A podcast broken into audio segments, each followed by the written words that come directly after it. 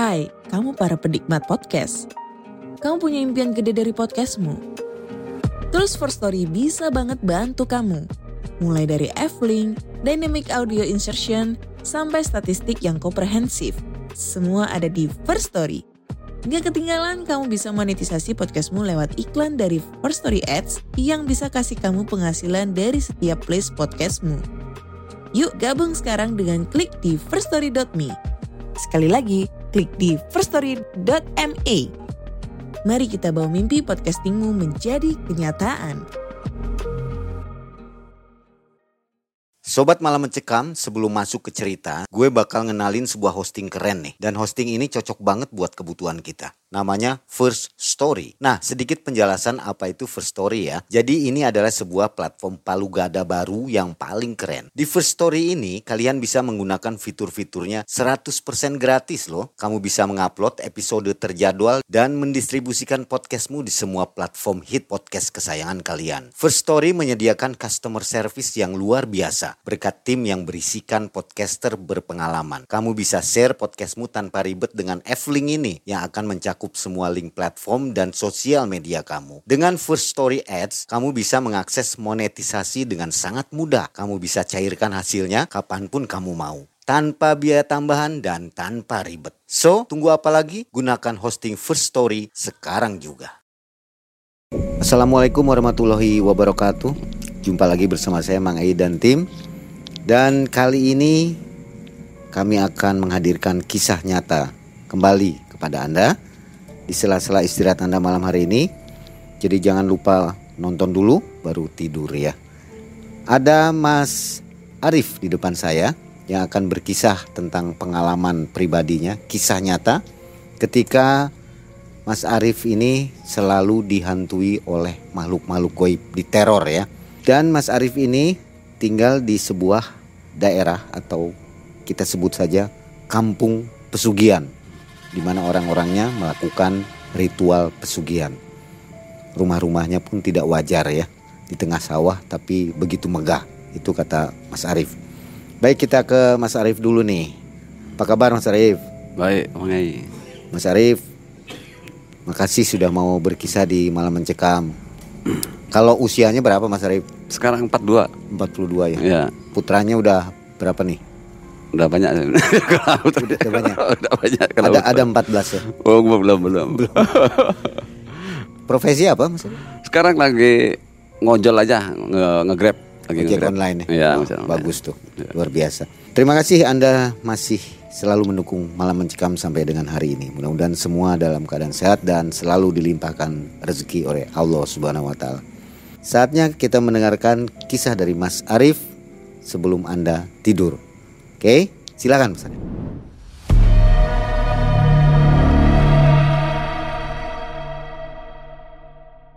Awal pertama saya mencoba berpindah dari hiruk pikuknya kota, dari sibuknya aktivitas di kota. Waktu itu saya tinggal di Batam, udah bertahun-tahun keluarga saya ada di Batam. Coba saya untuk mengadu nasib malah ke desa, ke pelosok gitu. Di pelosok di tepatnya itu di perbatasan antara Subang dan Indramayu. Sekitar tahun 2017 saya dalam perjalanan sih biasa saja. Saya udah biasa merantau ke mana-mana gitu. Kalimantan, Sumatera, masuk-masuk kampung, masuk hutan itu biasa. Tapi giliran masuk mau ke kampung istri saya itu kok ada yang hal berbeda gitu. Ini kampung kok kayak hutan? Langsung nyeletuk gitu, seperti itu saya tuh. Ke istri saya itu. Oh kok bukan mas aja kata istri saya tuh. Yang ngomong kayak gini. Pernah dulu itu orang yang kaya itu yang rumahnya berjejer itu yang nggak lazim orang di tengah hutan itu ya di tengah perkampungan seperti ini itu punya rumah semegah itu itu pernah ngundang ustadz dari Jakarta sama ngomongnya kayak Mas gitu. Ini kampung kok kayak hutan. Oh. Ya cobalah kita ini. Cobalah ngadu nasib gitu. Ya tapi punten-punten kalau saya jadi petani nggak bisa saya nggak ada basic di situ saya bilang gitu sama istri. Kita coba berdagang aja. Oke. Selang berapa hari mulai berdagang. Semakin semakin hari istri itu semakin berterus terang gitu. Keadaan di kampung ini seperti apa. Akhirnya mengaku istri itu. Itu yang rumah itu pesugihan, yang ini juga pesugihan. Tiga baris rumah itu semua pesugihan. Nanti belum ada yang di belakang lagi, ada. Itu setahu saya, setahu kampung sini itu seperti itu. Dan baru-baru ini, bulan-bulan ini juga itu ada orang itu di bersebelahan dengan rumah dia itu siang hari itu ada orang diputer kayak gasing itu di depannya sampai meninggalnya itu sampai heran saya ceritanya dari orang jadi orang yang menyaksikan orang yang diputer kayak gasing ini ya semua pada teriak-teriak orang warga di situ soalnya keadaannya posisinya siang bukannya bukan kondisi malam gitu. Seperti apa Sampai menik, iya diputer seperti itu.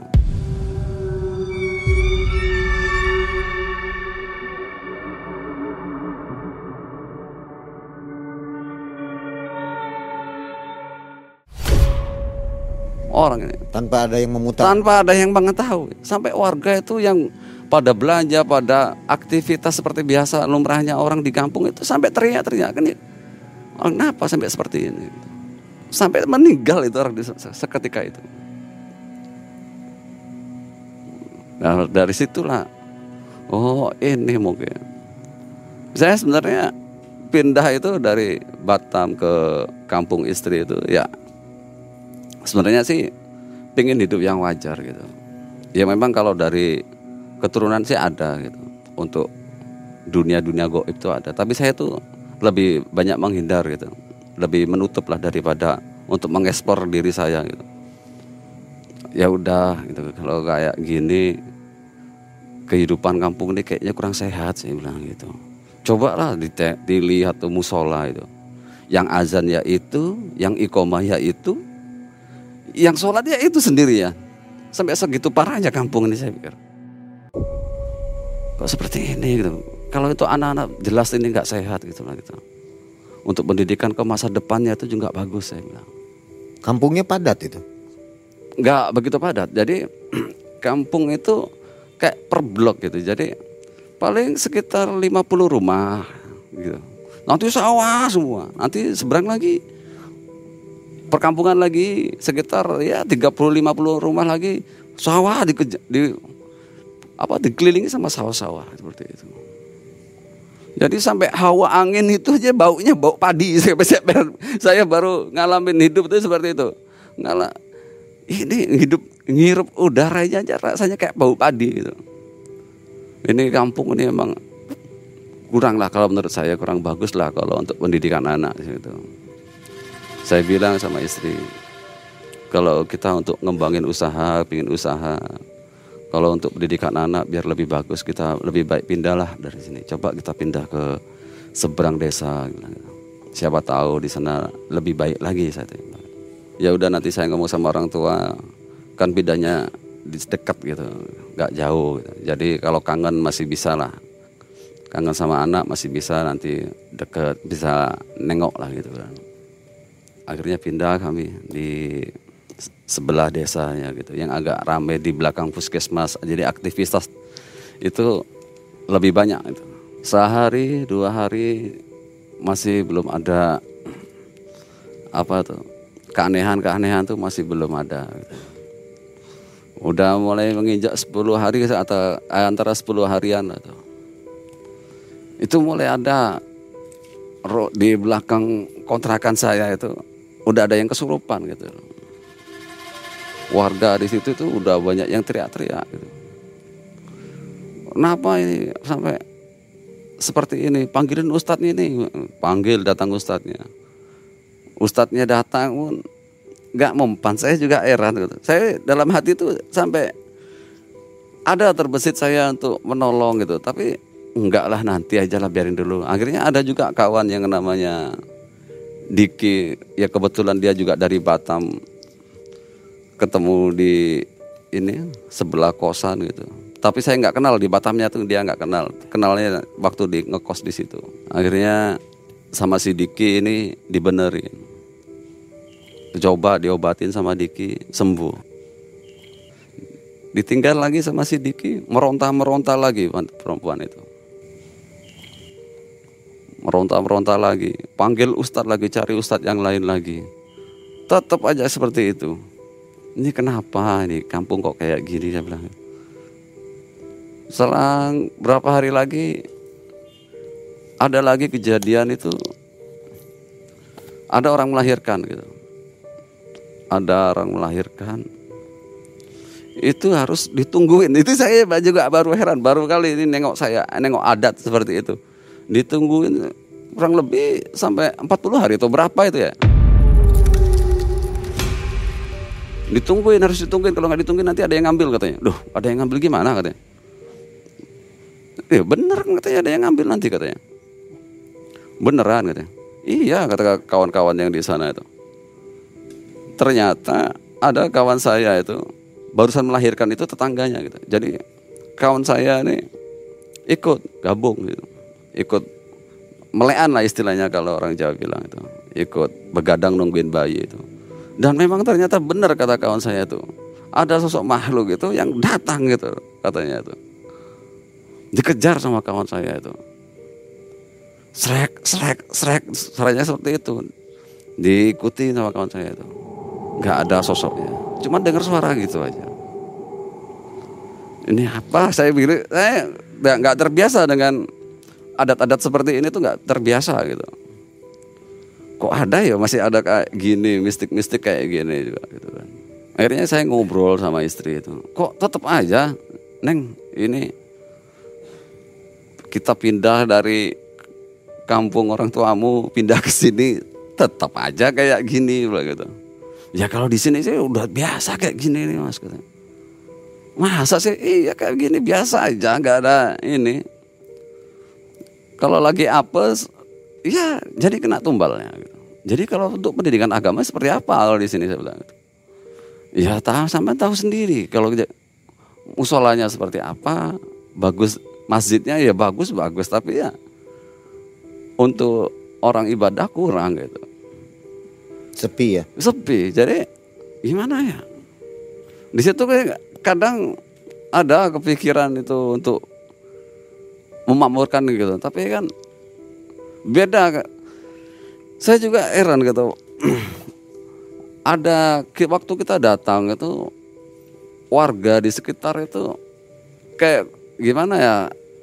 Nggak kalau saya di kebetulan saya orang Jawa Timur gitu jadi kalau dengan biasa dengan adat kami orang Jawa Timur itu ya kami welcome kami selalu tersenyum kalau ketemu orang gitu kan ini kok beda ya kampungnya kok pandangan orang itu kok agak sinis sama saya bilang sama istri kok kenapa kok gak gini ya orang-orangnya ya kok kurang welcome gitu ke, ke orang baru gitu.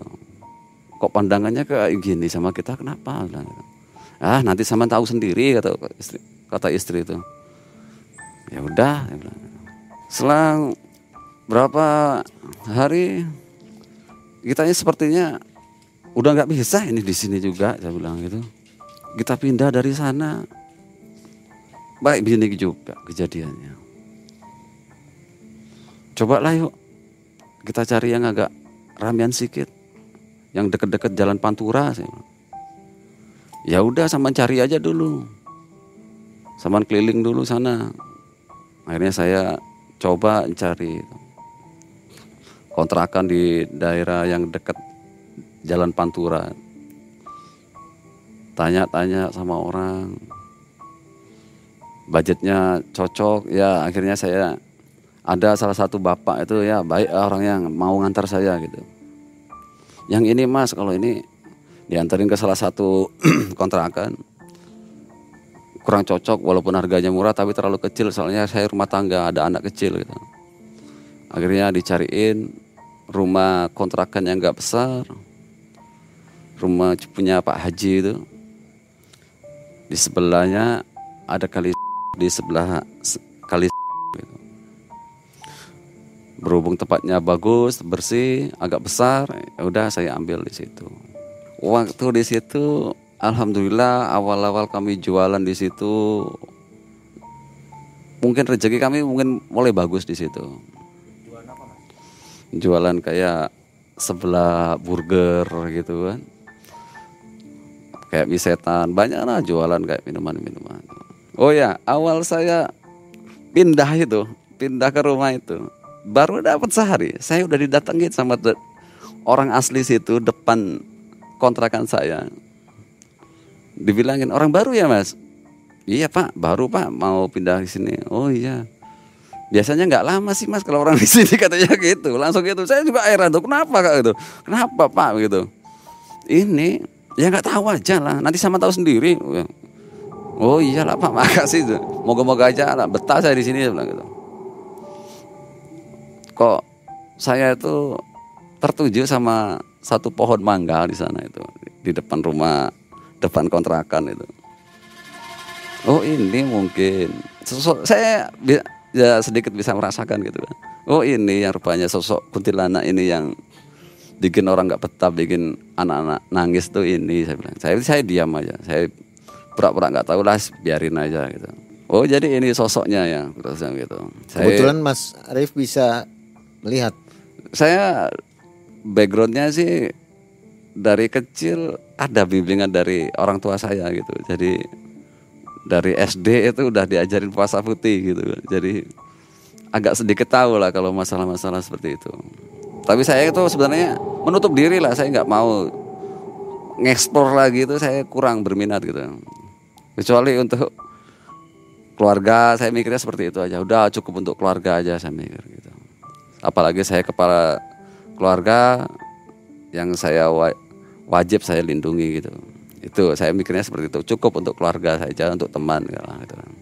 Mulailah di situ jualan anak sering panas pertama awal itu. Kok panas ya anak ya? Udah saya bacain lah. Ayat-ayat rukyah saya bacain. Udah dingin lagi. Kok gini ya? Kalau rukyah terus ya capek lama-lama. Saya saya juga perlu aktivitas gitu kan. Ya udahlah. Coba lah geser ke tempatnya Pak Haji situ kan tempatnya halamannya nggak luas tuh. Neng gitu. Saya bilang sama istri itu yang mana? Katanya. Itu yang kan letter L nih kosannya Pak Haji. Yang sebelah sana itu juga bagus halamannya nggak luas bilang gitu. Bisa buat jualan gitu. Ya udah nanti bilang sama Pak Haji kalau harganya sama sih nggak apa-apa bilang gitu. Akhirnya saya pindah ke sebelahnya belakang rung- warungnya Pak Haji itu warung sembakonya Pak Haji baru pindah. Udah didatangi tetangga lagi.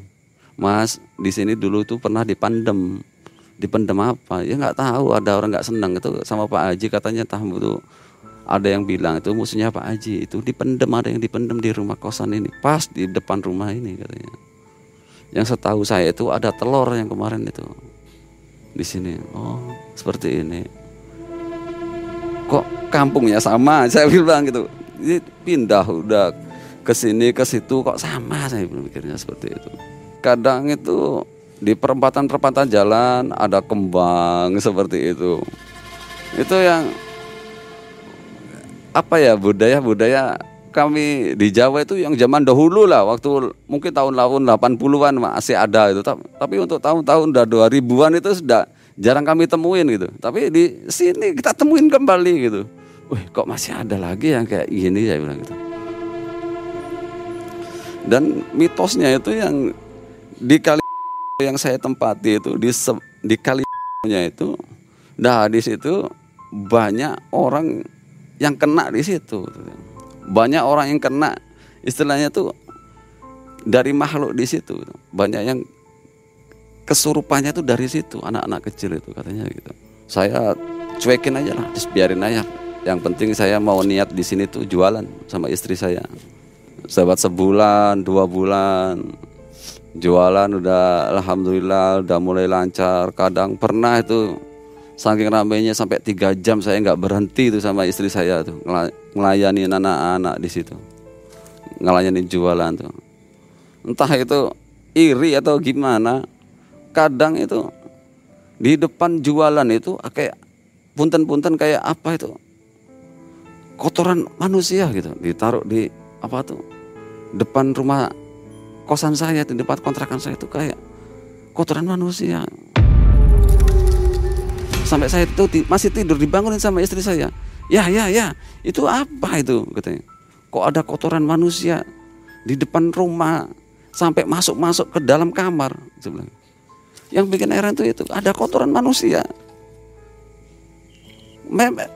Masa nggak lazim kalau ada kotoran manusia itu sampai masuk ke dalam rumah itu. Siapa orang anak masih tidur juga? Saya juga masih tidur gitu. Aduh ada-ada aja ini orang ini iseng saya bilang gitu.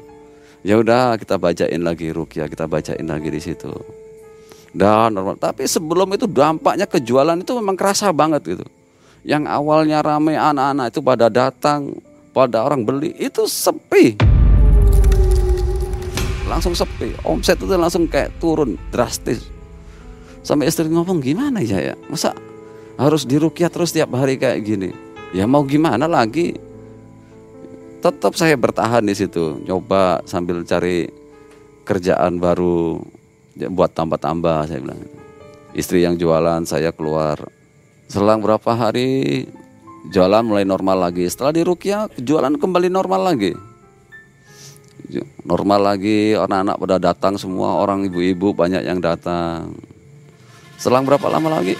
Sama kayak gitu datang lagi. Itu kotoran lagi datang. Ini apa ini maksudnya? Kotoran manusia bukannya kotoran hewan itu yang bikin heran itu kotoran ini bisa masuk sampai ke dalam kamar gitu. Bukannya di depan rumah aja tuh enggak. Sampai masuk ke dalam kamar gitu. Ini udah pindah ke satu kedua kok kayak gini? Sama aja saya pikir gitu. Apa memang budayanya di sini seperti ini saya bilang mikirnya gitu. apa memang harus gimana ya apa harus dibuka lagi ini yang dulu sempat digembleng sama bapak sama keluarga saya sama guru-guru saya harus diulang lagi ini gitu. ya dulu sempat lah belajar spiritual seperti itu kan di Batam, di Sumatera, di Jawa pernah ya, dapat gemblengan-gemblengan seperti itu. Apa ini harus dibuka kembali saya pikir gitu. Tapi nantilah saya pikir gitu, nggak usah lah. Saya kepinginnya hidup normal aja. Nah orang nampak ya seperti biasa saja sama semua orang. Saya pinginnya seperti itulah. Yang bikin saya terheran-heran itu ya itu orang itu nggak wajar, nggak lazim lah ada rumah di tengah de tengah sawah seperti itu punya rumah bisa dibilang itu kayak istana lah itu berbaris-baris bukannya satu dapat tiga itu berbaris-baris saya nggak masuk akal saya pikir itu sehebat apa usaha di, di desa pelosok seperti ini punya rumah sebesar itu bisa dikatakan kata orang itu ya ya timpang antara satu sama yang satu yang sama yang lain gitu nggak wajar lah kalau untuk kemewahannya gitu. Ini udah rumah sebesar ini. Yang satunya lagi rumahnya masih gubuk. Itu kan enggak kayak nggak masuk akal ini. Usaha-usaha apa sih? Walaupun tuan tuan tanah itu. Emang kalau nggak masuk akal lah walau untuk patokannya orang kaya di desa pelosok seperti itu. Nggak umum lah, saya bilang mikirnya gitu. Ya akhirnya dapat bocoran dari istri itu ya emang dia pelakunya seperti itu pelakunya. Ternyata di situ di seberang itu ada ibu-ibu yang udah kena ini. Kena itu bukan kena pesugihannya tapi karena di ini apa namanya tuh dikerjain nah istilahnya diteluh lah disantet sama mantan suaminya. Gara-gara minta cerai. Itu sampai kayak orang gila yang tapi saya yang bikin heran dia itu nggak mau ngobrol sama orang lain marah-marah sama kedua orang tuanya marah sama siapa pun. Tapi kalau sama istri saya tuh mau ngobrol gitu. Itu yang bikin saya heran. Kalau sama istri saya itu mau ngobrol bener kayak orang bener itu wes nggak ada nggak ada sakit-sakitnya tuh nggak ada. Nggak nampak orang itu kayak orang stres kayak orang gila tuh nggak. Tapi kalau sama orang lain tuh ngamuk aja bawaannya. Semua orang mau dipukul. Tapi giliran sama ngadep sama istri saya itu ya biasa aja nggak kayak orang normal ngobrol tuh biasa aja gitu. Saya pun juga nggak sempat ngobrol juga sama sama wanita itu. Saya tertutup saya loh sama wanita itu kan. Jadi selang berapa bulan di situ saya bertahan. Jualan tuh lama di situ sampai sekitaran enam bulan. Saya mulai bekerja di ya saya sebutin di daerah Pemanukan gitu. Saya kerja agak seberang beda kecamatan sama kontrakan saya. Saya mulai aktivitas pulang malam. Kadang jam 12 jam 11 saya pulang. Biasa seperti itu. Jam 11 jam 12 saya pulang ke kontrakan. Istri normal masih jualan kalau ada keganjilan baru ngomong ini ada ini ada kotoran lagi datang.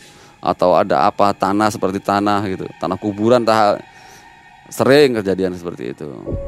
Kalau ada sepi atau apa istri ngeluh ini ada sepi lagi ini jualannya udah ada yang aneh lagi udah di ritual lagi bacain rukia lagi normal lagi. Ya udah itu terus.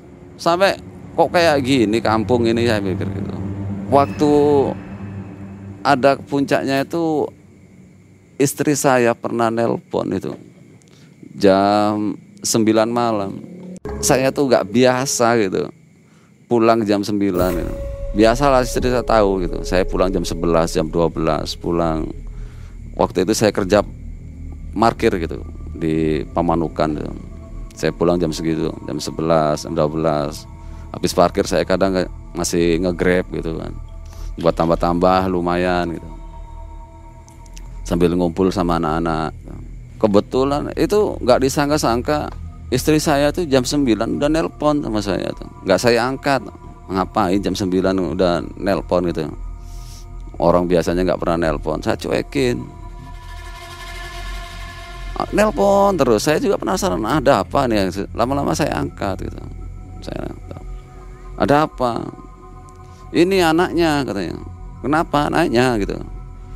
Ini anaknya udah melotot aja nih matanya hitamnya udah nggak ada lagi katanya. Aduh. Yang benar gitu. Iya katanya. Langsung seketika itu langsung saya pamit sama bosnya rumah makan kalau saya tinggal parkirannya itu ya saya pulang langsung. Bergegas pulang wis nggak tahu apa ngebut sampai kontrakan itu. Datang nyampe rumah assalamualaikum langsung masuk kamar mandi saya wudhu nengok anak saya. Tuh mukanya udah nggak ada apa tuh udah ketakutan itu lah orang kayak ini. Matanya hitamnya itu udah nggak ada udah melotot seperti ini aja.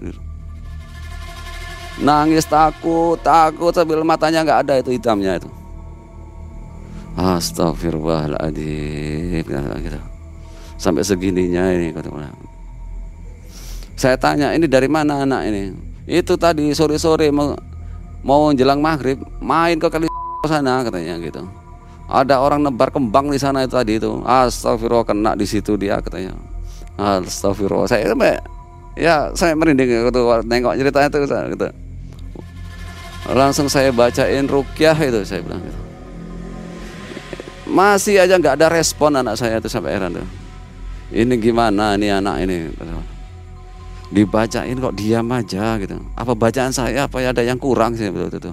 Saya buka lagi kitab saya itu. Saya bacain lagi. Sampai saking gemesnya itu saya gebrak itu namanya temboknya. Kosan itu kontrakan itu. Saya gebrak. Kalau kamu mau ganggu anak saya udahlah kamu keluar aja sama saya dia bilang gitu. Seketika itu anak saya itu langsung melek matanya itu seketika itu alhamdulillah. Langsung melek mata anak saya itu. Langsung keluar ya nah, nampak itu hitam-hitamnya itu. Astagfirullah baru kali ini ini ke keluarga saya sendiri gitu. Itu memang beda antara kita bantu orang kalau sama anak itu memang beda gitu. Paniknya itu rasa paniknya itu beda banget memang yang kita rasain gitu kalau keluarga kita sendiri yang kena itu memang beda. Kita itu kayak nggak bisa mikir gitu. Kalau anak kita sendiri yang atau keluarga sendiri gitu yang yang terkena gitu. Ini sebelumnya itu sampai istri itu udah nelpon ke uaknya itu. Wah anak saya ini wah matanya udah putih aja nggak ada hitamnya nih. Ya iya orang itu keretanya tuh udah di dep, di atas kontrakanmu itu katanya. Kontrak itu keretanya udah di atas kereta kontrakanmu itu. Nah wak ke sini lah. Ya percuma aku mau ke sana katanya. Orang udah mau diambil anakmu itu katanya. Sampai uaknya tuh yang ya bisa dibilang itu orang ngerti. Saya bilang seperti itu. Ya orang mau diambil mau gimana katanya gitu ya tolonglah ini nggak bisa saya udah angkat tangan bilang gitu. Uaknya itu. Coba telepon dulu sama Kang Bidin yang ngerti gitu. Sama angkat tangan nggak bisa. Itu udah di atas katanya. Keretanya tuh udah di atas kontrakanmu katanya. Itu kereta kencana ya? iya kereta kencana. Jadi ada sosok perempuan itu duduk di ini sama seorang ini kereta dua sama apa namanya kusirnya itu ya? Ada kusirnya kayak hulu balang atau apa yang pakai ini kayak bangsa-bangsa kerajaan zaman dulu lah sama ratunya di situ. Duduk di satu di belakangnya ratunya itu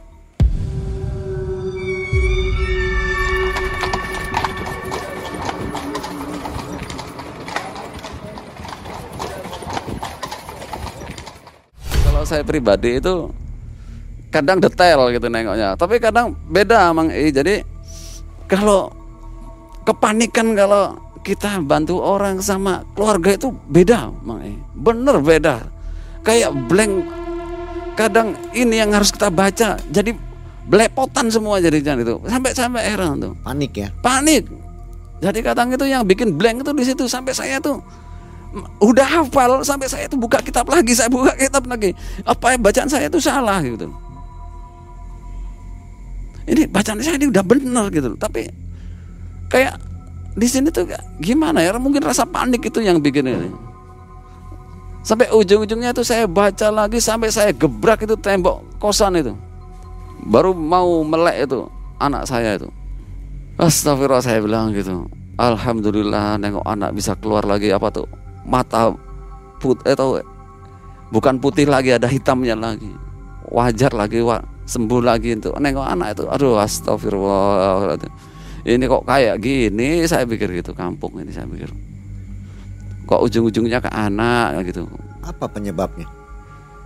Anak itu kata istri sore menjelang maghrib itu masih main di pinggiran kali dan di situ ada yang orang nebar kembang gitu di situ Menurut Mas Arif itu apa? Pelaku pesugihan? Iya, jadi ada di situ di umumnya di daerah situ ya orang itu ada yang nebar kembang, ada juga yang beda lagi tapi pancingan duit. Nah, duit juga ada gitu. Jadi duit ini kalau diambil dibelanjain diambil nyawanya seperti itu gantinya nyawa dia gitu. Emang sengaja duit itu dijatuhin biar dipungut sama orang. Ya, tapi it, dia yang mungut dia yang kena itu. Siapa yang mau ngambil dia yang kena itu. Seperti itu. Ditumbalkan ya. Ditumbalkan sama dia. Setelah kejadian seperti itu, saya mulai berpikir kembali gitu. Tinggal di daerah istri saya lah yang berdekatan dengan istri saya. Kok bisa ya seperti ini? Ya alhamdulillahnya mau keluar gitu. Tuh makhluk itu gitu.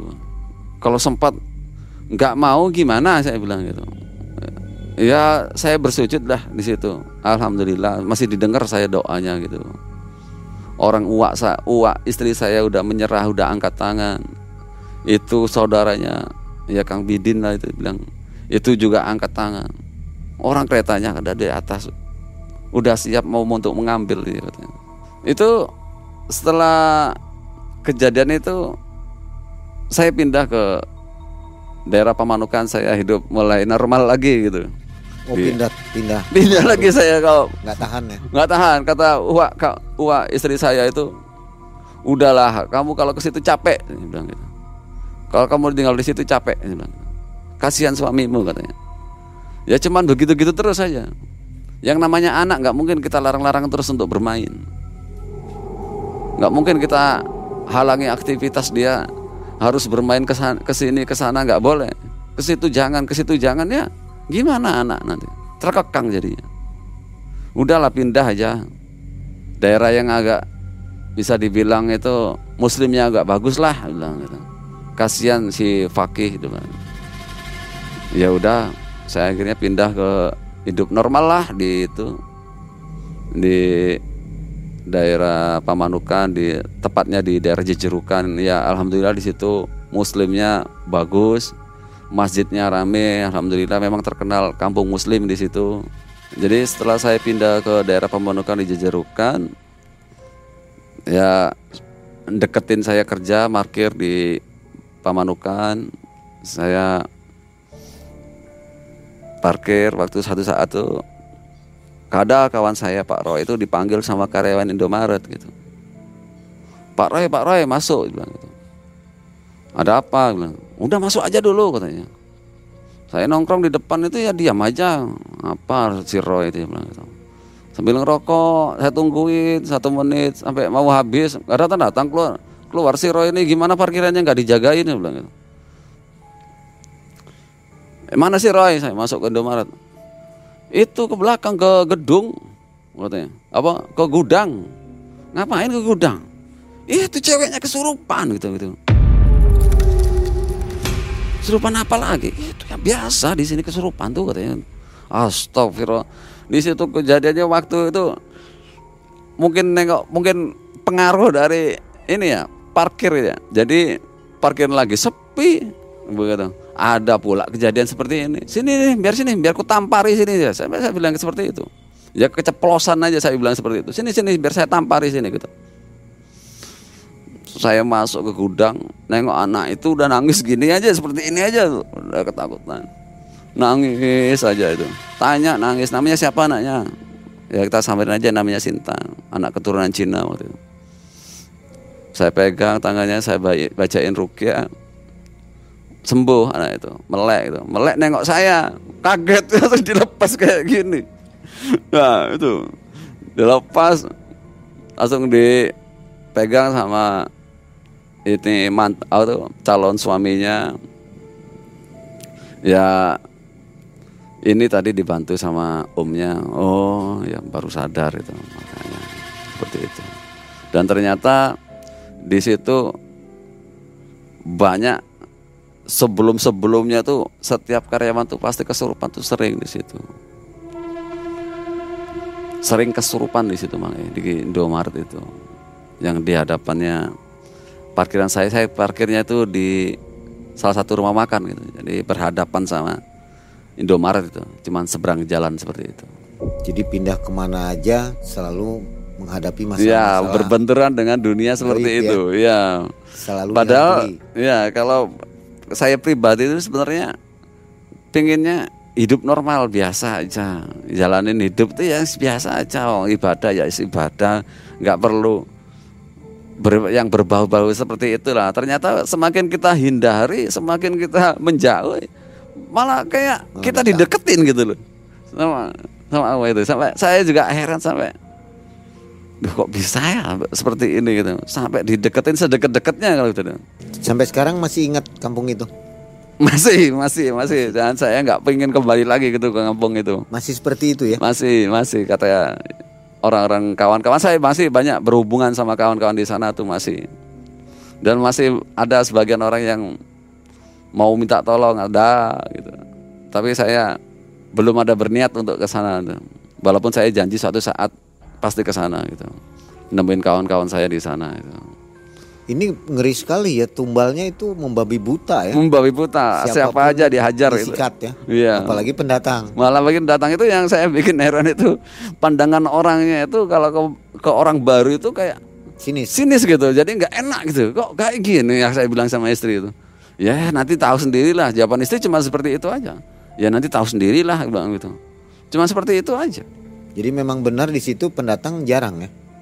ya ada tapi rata-rata nggak betah sih Sebentar-sebentar. iya Akhirnya sekarang Mas Arif setelah pindah ke mana? Cirebon ya. ya sekarang di Cirebon Sudah aman-aman saja. ya alhamdulillah walaupun ada sedikit kejadian ya ada tapi nggak seserem di situlah gitu masih normal lah masih banyak tempat-tempat ibadah tuh masih rame masih enak lah betah di sini masih adem saya pikir Mas Arif asal dari mana? saya dari Malang Jawa Timur ya. Jawa Timur Udah lama berarti tinggal di Cirebon merantaunya. masih setahunan Oh, ini baru nih? masih setahun ya di sini Baiklah. Nah, itulah kisah dari Mas Arif yang mengalami tinggal di tempat kampung pesugihan ya. ya Bisa dikatakan kampung yang mengerikan gitu. Sampai tidak baik untuk membesarkan anak di daerah itu ya. Semoga kisah dari Mas Arif ini banyak memberikan masukan, informasi kepada kita bahwa hal-hal mistis seperti pesugihan nyata adanya. Bahkan satu kampung pun melakukan pesugihan ya. Dan mudah-mudahan penduduk di, di sekitar sana sadar. Nah, Nah, kita doakan. hidayah lah Terima kasih Mas Arif atas kisahnya. Dan akhirnya Mang Ei dan tim undur diri. Assalamualaikum warahmatullahi wabarakatuh.